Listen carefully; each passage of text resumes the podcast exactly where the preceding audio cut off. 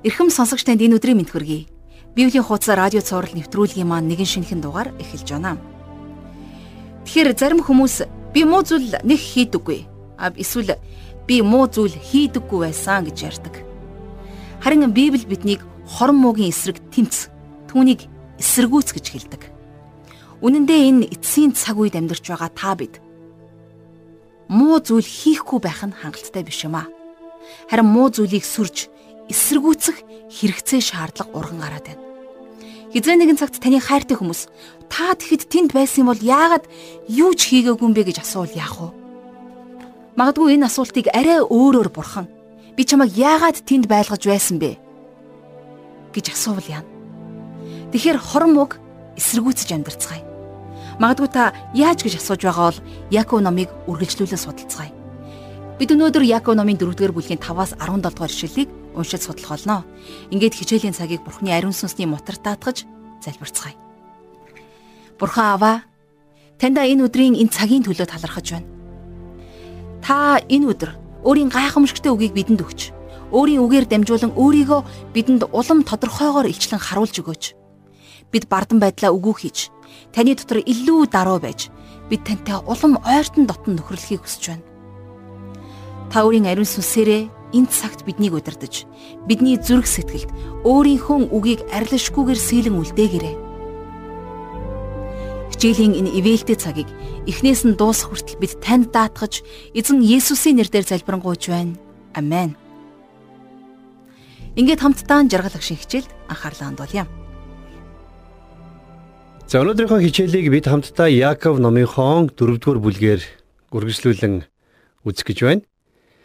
За хамтдаа 4-р бүлгийн 5-р ишлэгийг одоо уншъя. За Яаков ингэж бичсэн байна. Эсвэл бичвэр дими хоосноор бидний дотор түүний нутаглуулсан сүнс нь атаархан хүсдэг химээсэ гэж та нар бодож байна уу? За ийм нэгэн сонирхолтой асуултаар өнөөдрийнхөө 5 дугаар ишлэлийг эхлүүлье. Бид нэр өөрсдийгөө атаархдаггүй хүмүүсээ гэж хэлэх юм бол бид нар худлаа ярьж байна гэсэн үг. Ер нь хүмүүс бид нар амжилттай яваа хүмүүст атаархдаг. Атаархлаас үүдэлтэйгээр бид нар янз бүрийн ховжив, худал үнэн зүйлүүдийг тараадаг. Янз бүрийн буруу үйлдэлүүдийг хийдэг. Харин Яаков бидэнд хэлэхдээ бид нар энэхүү тохиолдолд ямарваа нэгэн үг яриа тараахтаа биш харин эзэн Есүс Христээр очиод түүнд асуудлаа хэлэх ёстой гэж хэлсэн байна. Өөрөөр хэлэх юм бол махан биеийнхээ хүслийг давах арга замыг Яаков бидэнд зааж өгчээ. Бурханд хангалттай нэгүсэл байгаа гэж Яаков хэлж байна тийм ээ. Тийм учраас л бид нар эдгээр асуудлуудыг хүмүүст биш харин Бурханд хэлэх боломжтой. 6 дугаар эшлэл дээр гівч тэр илүү их нэгүсэл өгдөг. Тиймээс Бурхан бардмыг эсэргүүцэж харин дарууд нэгүсэл өгдөгөө гэдгээ. За би нэг зүйлийг дахин дахин хэлдэгэ. Юу гэхлээр бурхан нэгүслэр дэндүү баян. Бурхан ямар их нэгүүлсэнгүй болохыг бид нар хизээч химжиж мэдэж чадахгүй. Түүний нэгүүлсэл бялхам дүүрэн байдаг. Хүртэх зохисгүй сайн сайхныг хүртэх нь нэгүүлс шүү дээ. Харин би энийг үйлсээр илэрч байгаа хайр гэж боддог. Бурхан биднийг хайраараа авраагүй. Тэр бидний төлөө хүүгээ өгсөн. Бурханы нэгүүлслийн үр дүнд Бурхны нэгүүлслийн үйл үйлсээр бид нар аврагдсан. Бид нар дотроо зүрх сэтгэлдээ бузар муу бодлууд гим нүглэр дүүрэн байдаг. Хэрвээ тийм болвол бид нар Бурхны өмнө очиод гим нүглээ гимшиж түүнд өөрийнхөө дотоод сэтгэлийг илчлэх боломжтой. Бурхны нэгүүлсэл тэр бүх бузар мууг халахлж өгөөсэй гэж түүнээс залбирэн гуйх хэрэгтэй. Бурхан та бидэнд нэгүслээ өгнө. Есүс Христ одоо ч гэсэн Бурхан эцгийнхээ баруун гарт залраад та бидний төлөө зуучлан залбирч байгаа. Зарим хүмүүс Бурханы нэгүслийг хангалттай гэдэгт эргэлздэг л дээ. Дэлхий дээр олон янзын юм байдаг ч гэсэн тэр имийг уужил байж өвчин идэгрэн шүү дээ. Хүний урдуур мянга сайхан тунгалаг устай гол урслаа гэд тэр хүн тэр уснаас уухгүй юм бол хатаж өхнө. Тэгэхээр яг энэнтэй нэгэн адилаар Бурхны нэгүүлсэл бидэнд хангалттай ч гэсэн бид тэр нэгүслээс зурх хэрэгтэй байдаг юм а. Энэ дэлхий дээр бохир заван хүмүүс олон байлаа гэд бид нар улсыг саванг буруудгаж болохгүй үст. Тэгэхээр та бидний гим нүглийг угааж цэвэршүүлэх хангалттай ус, хангалттай савн бурханд байгаа гэдгийг бид нар мартаж болохгүй маа. За Яаков нэгэн гайхалтай ишлэлийг энд иш татсан байгаа. Бурхан бардмыг эсэргүүцэж харин дарууд нэгүүлсэл өгдгөө гэж. Тэгэхээр Бурханы нэгүүлслийг ямар савнд хадгалж болох вэ гэдгийг энд хэлсэн байна, тийм ээ? Бурханы нэгүүлслийг зөвхөн даруу зүрх сэтгэлийн савнд л хадгалах боломжтой гэдгийг Яков давтан хэлжээ. Цааш нь 7 дугаар ишлэл дээр тиймээс бурханд захирагдах төн диаволыг эсэргүүц тэгвэл тэр та нараас зайлна. За бид нар эмчэд үзүүлэхээр очихдоо мэдээж эмчийн үгэнд ордог. Эмч биднэрт олон төрлийн эм тариа бичиж өглөөгээд тэр эмч биднийг хорлох гэж биш харин эмчлэх гэж л бичиж өгдөг. Бид нар эмчийн үгийг дуулууртай дагаж эмчит дуулууртай байж байж л өвчин маань эдгэрдэг шүү дээ.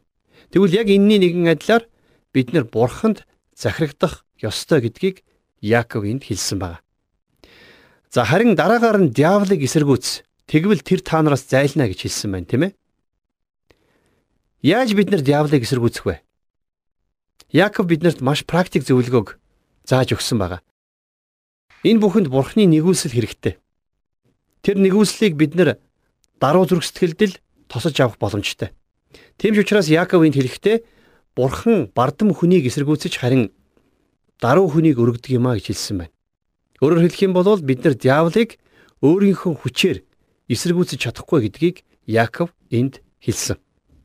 Үнэн дээр та бид нар бузар муу нөлөөллүүдийн тунд амьдарч байгаа. Та биднийг хаасаагүй сорилт, уруу татлаг хүлээж байдаг, тийм ээ? Харин бурхан та бидэнд хэрэгтэй тэр нэгүслийг байнга өгч байдаг. Тэрхүү нэгүсэл бол хизээч дуусч, хизээч дундрахгүй. Тэгэхээр энэ нэгүслийг л бурхан танд зориулсан байна. Иннээс харин зуураад аваарай гэж бурхан бидэнд хэлдэг юм аа. 8 дугаар ишлэл дээр бурханд ойртох тоон тэгвэл тэр та нарт ойртно.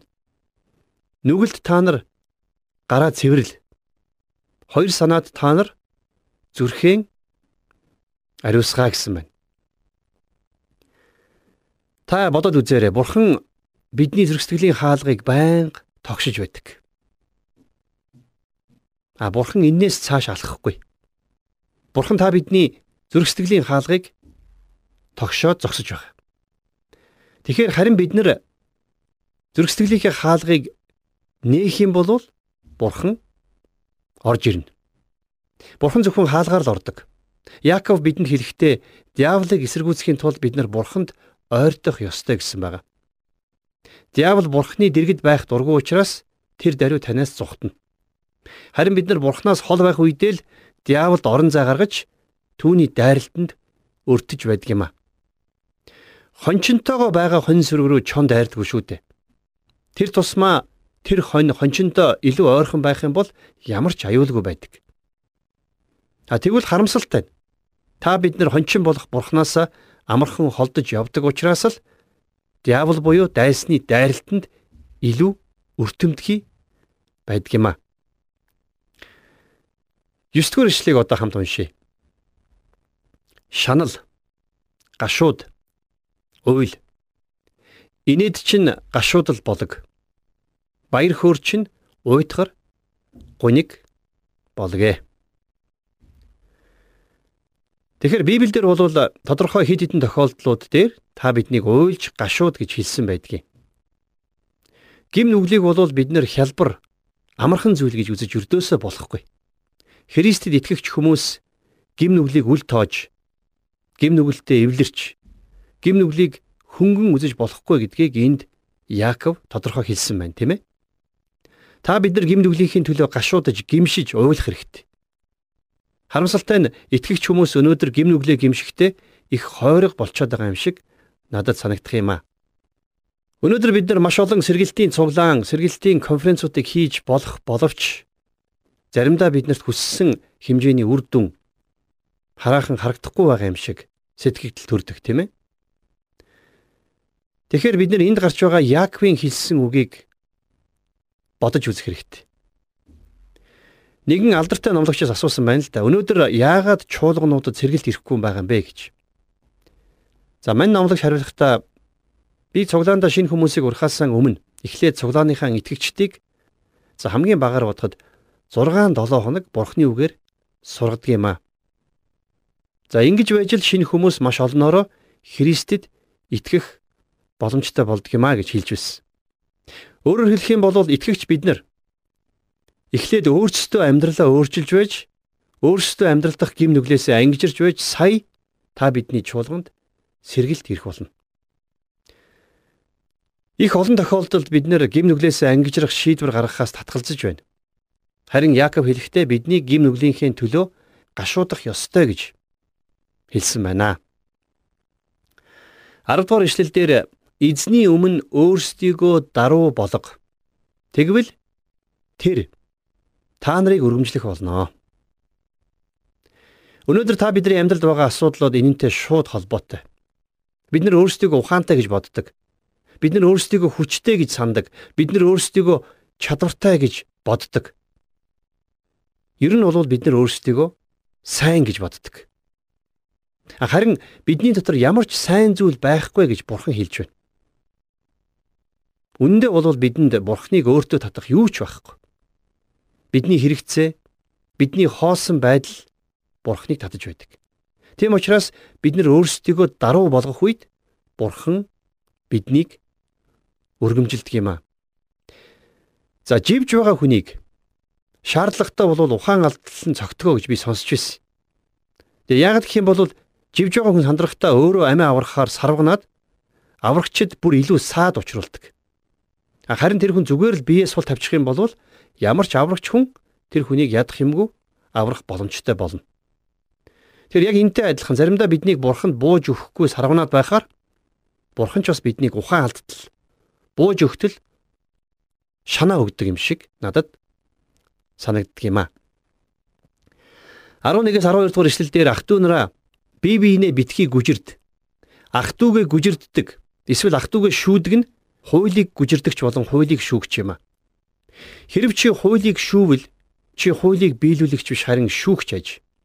Хууль тогтоогч ба шүүгч нь зөвхөн ганц байдаг бөгөөд тэр нь аварчиж устгачиж чаднаа. Харин хөршөө шүүгч чи хэн юм бэ?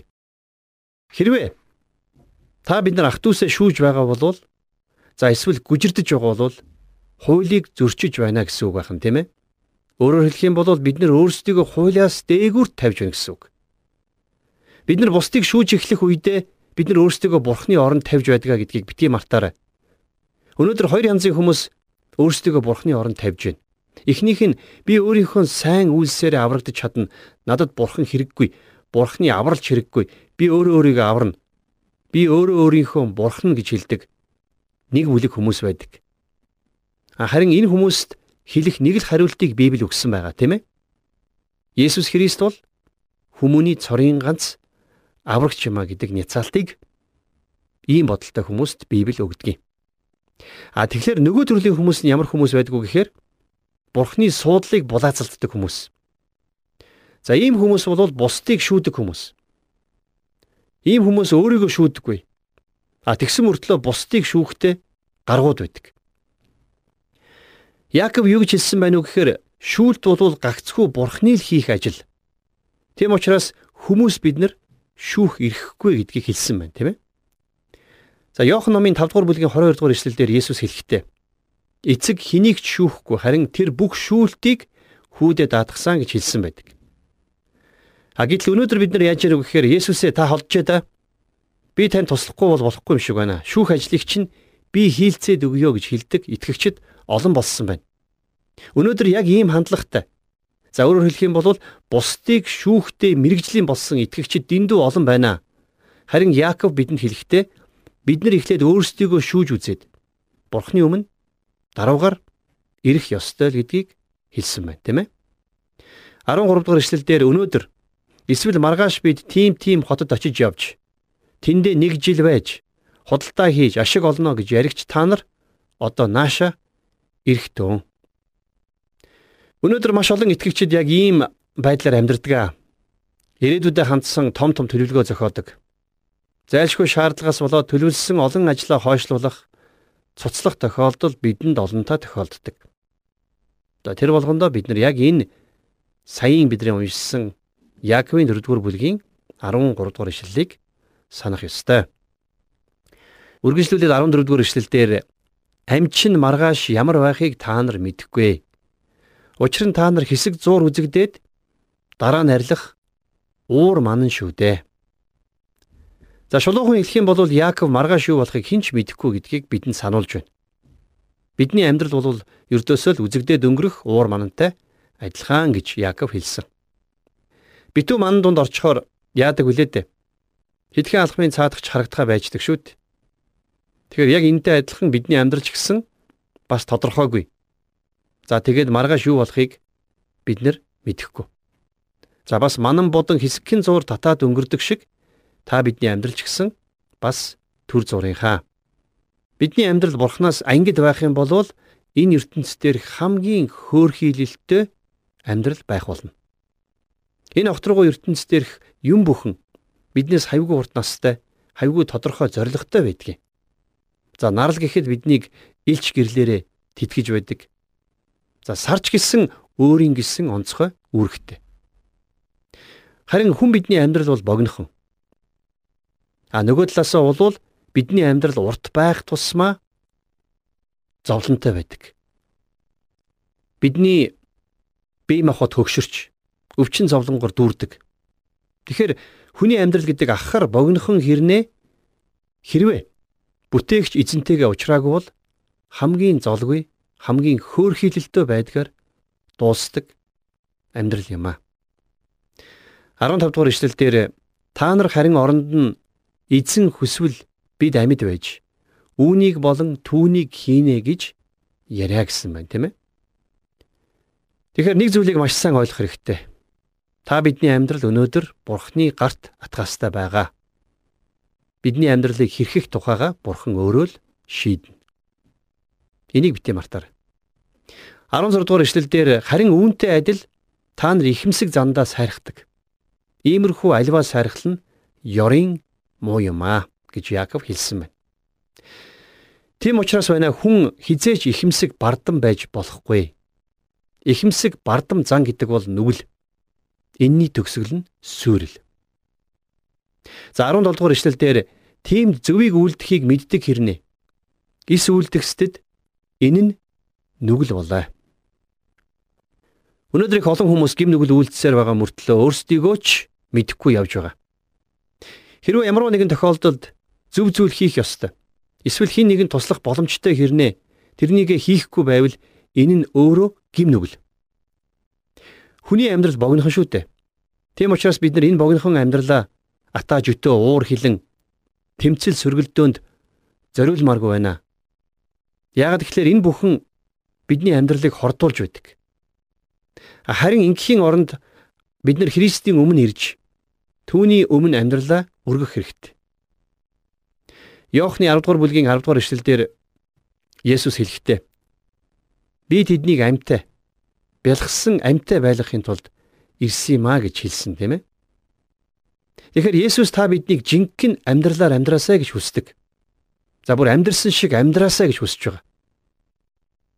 А тэгвэл өнөөдөр таны амьдрал үнэхээр амьдрал шиг амьдрал байж чадаж байгаа юу?